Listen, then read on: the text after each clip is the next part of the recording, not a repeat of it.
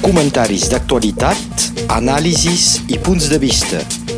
La crònica d'opinió amb el professor Joan Becat.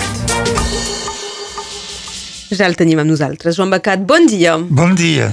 Els jutges espanyols eh, són per damunt de l'Estat. Sí. A Espanya està passant una cosa que seria insòlita, impossible, diguem-ho, a França o a un altre estat de l'Europa Occidental. Uns jutges que l'endemà de la publicació d'una llei sobre la justícia l'interpreten, l'entorceixen, li canvien l'objectiu i el significat i, de fet, l'anul·len per tornar a la situació d'abans d'una altra manera.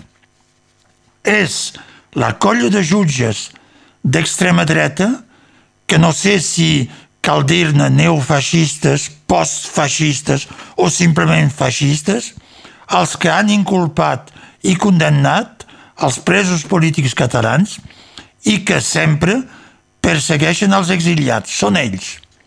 Anem cronològicament. Després de l'1 d'octubre de 2017 i de la proclamació de la independència, el govern del Partit Popular de Mariano Rajoy va confiar als jutges del Tribunal Suprem espanyol, entre parèntesis, un òrgan hereu de la repressió franquista i poblat pel Partit Popular d'aquests jutges de dret i d'extrema dreta, doncs li va encargar la feina de perseguir l'independentisme. Fa la instrucció al jutge Llarena i presideix el tribunal el jutge Marchena. Per poder condemnar a penes molt altes, acusen primer de rebel·lió.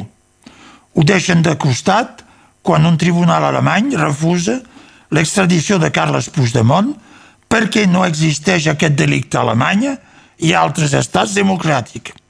Després s'aferen a la sedició i a la malversació per condemnar.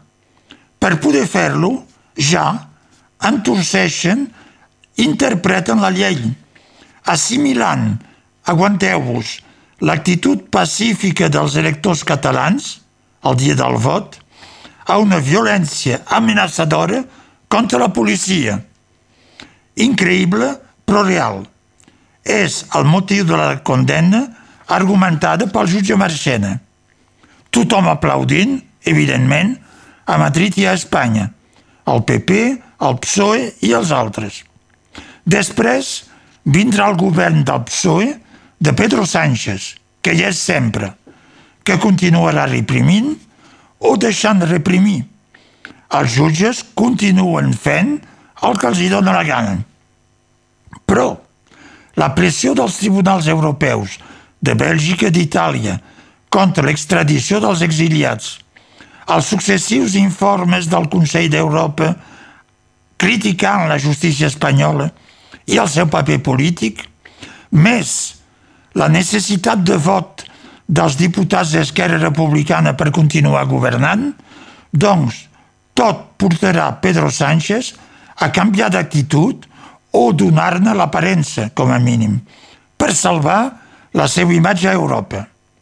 Primer són els indults dels presos polítics, aquests sallen, però els anys d'inhabilitació per càrrecs públics o electes continuen i són nou anys d'inhabilitació per Jordi Sánchez i Jordi Cuixart, 12 anys per Jordi Turull i Raül Romeva i 13 per Oriol Junqueras.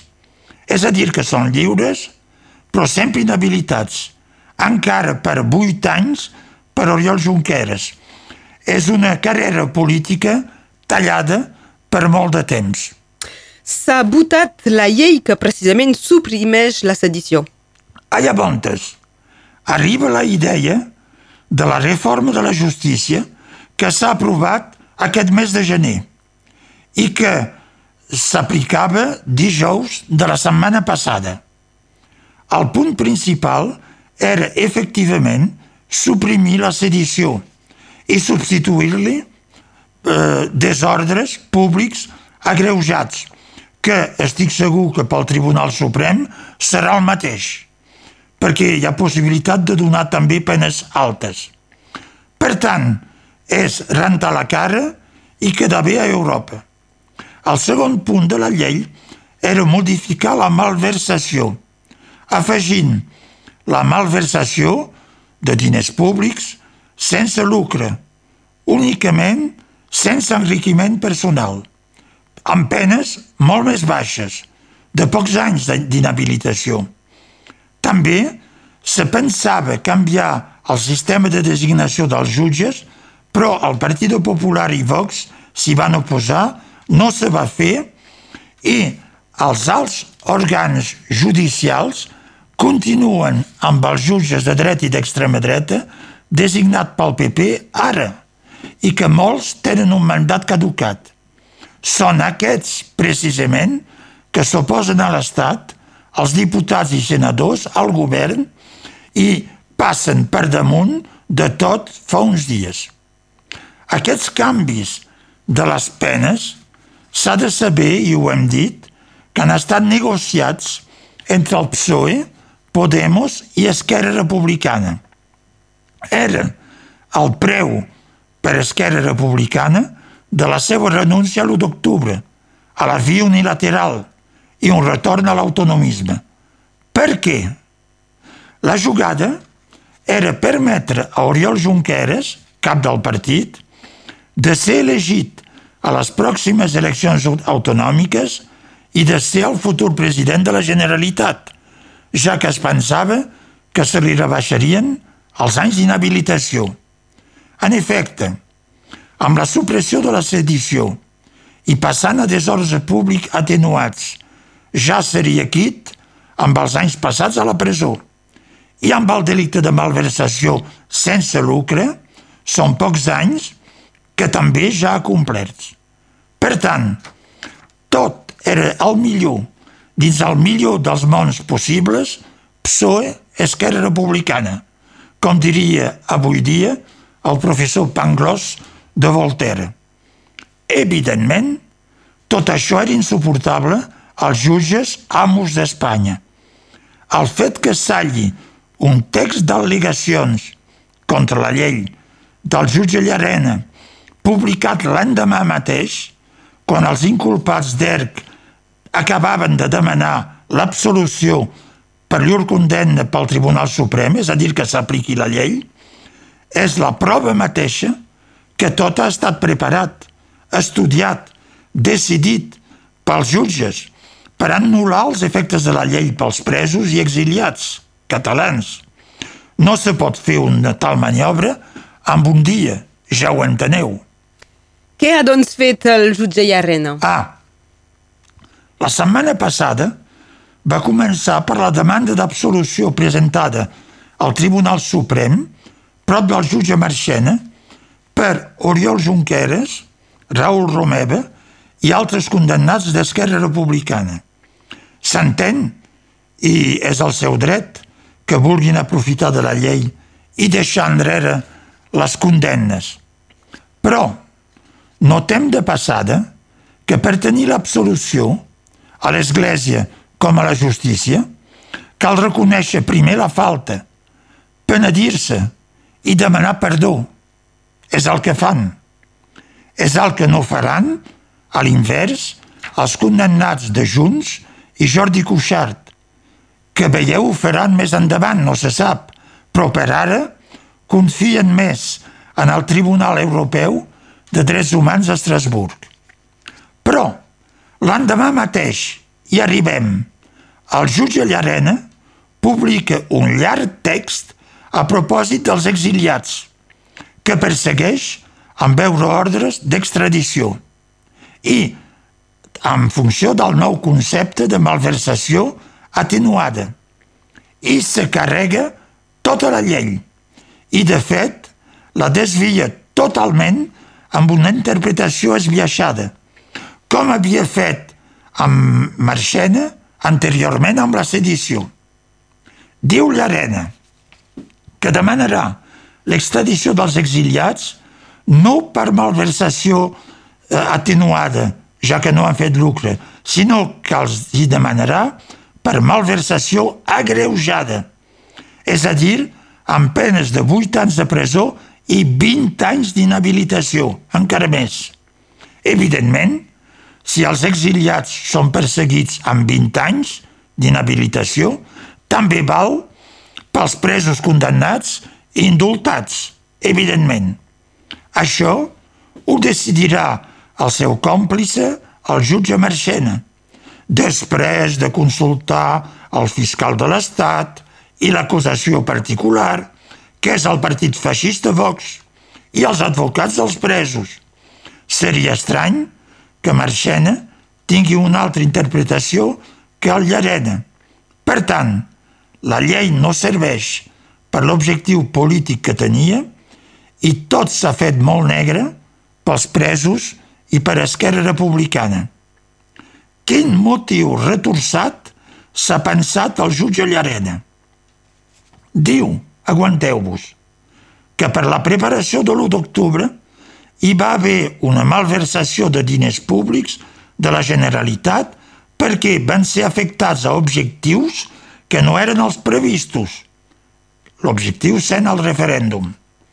Afirma, i és aquí el tema, que la malversació tenia finalitat lucrativa car, encara que no s'embutxaquin els diners, i com? Era per aconseguir un projecte personal, doncs a benefici propi, la independència.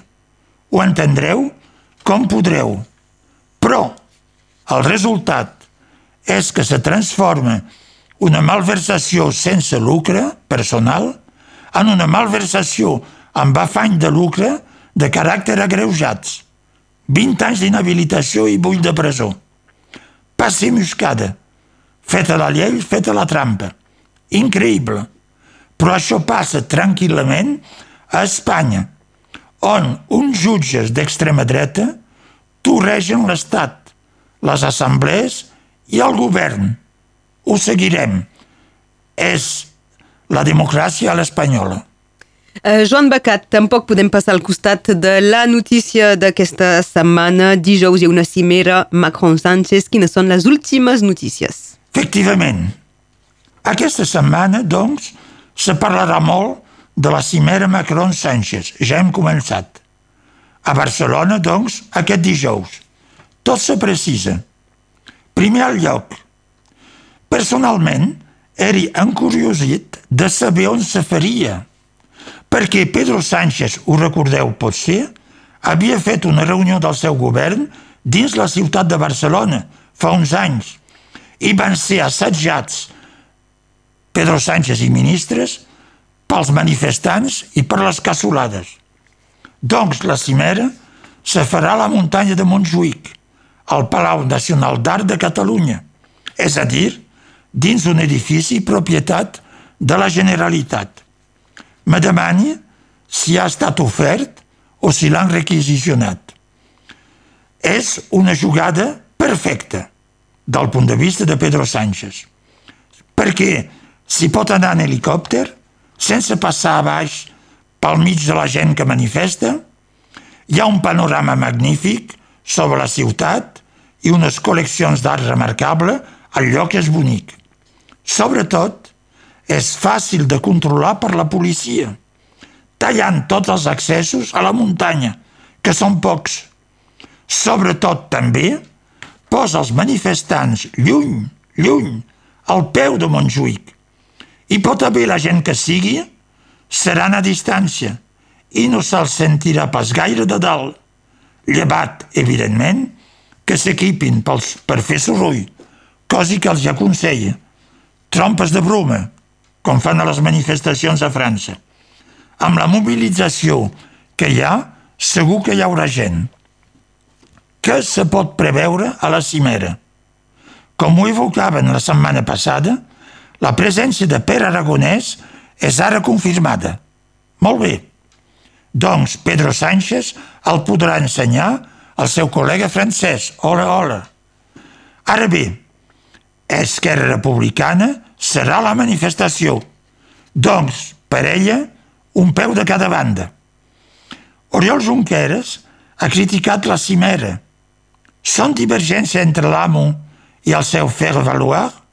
O més aviat, crec jo, un joc de rol, com he dit, un peu de cada banda. El motiu de la cimera és firmar un tractat d'amistat i cooperació entre França i Espanya. A veure, que eren enemics fins ara? No, al meu entendre, és un tractat inútil, perquè les cooperacions existeixen. En efecte, ja s'han firmat molts acords. El 1998 era per lluitar contra la immigració clandestina, la droga i el terrorisme. El 2003 va ser firmat un tractat sobre duana i seguretat. N'hi ha un també per la sanitat i l'any passat se n'ha firmat un altre sobre la doble nacionalitat. Anteriorment hi havia un acord contra ETA. És en funció d'aquest acord contra ETA que ve la reconducció administrativa a la frontera, és a dir, sense passar per la justícia, que volien aplicar, recordeu, a Carles Puigdemont i Toni Comín a Estrasburg la primera reunió del Parlament Europeu. Per tant, no cal un nou tractat. Doncs per què ho fan? Què hi ha d'amagat a sota? Personalment, me sembla evident que aquest acord, com ha passat per altres i que se va saber després, aquest acord tindrà algunes clàusules secretes. Veieu sobre Catalunya i sobre el santuari que representa Catalunya Nord per l'independentisme. Ho seguirem. I tant que ho seguirem eh, i segurament eh, la, la setmana vinent. Gràcies, Joan Becat. Bon dia a totes i a tots. Comentaris d'actualitat, anàlisis i punts de vista.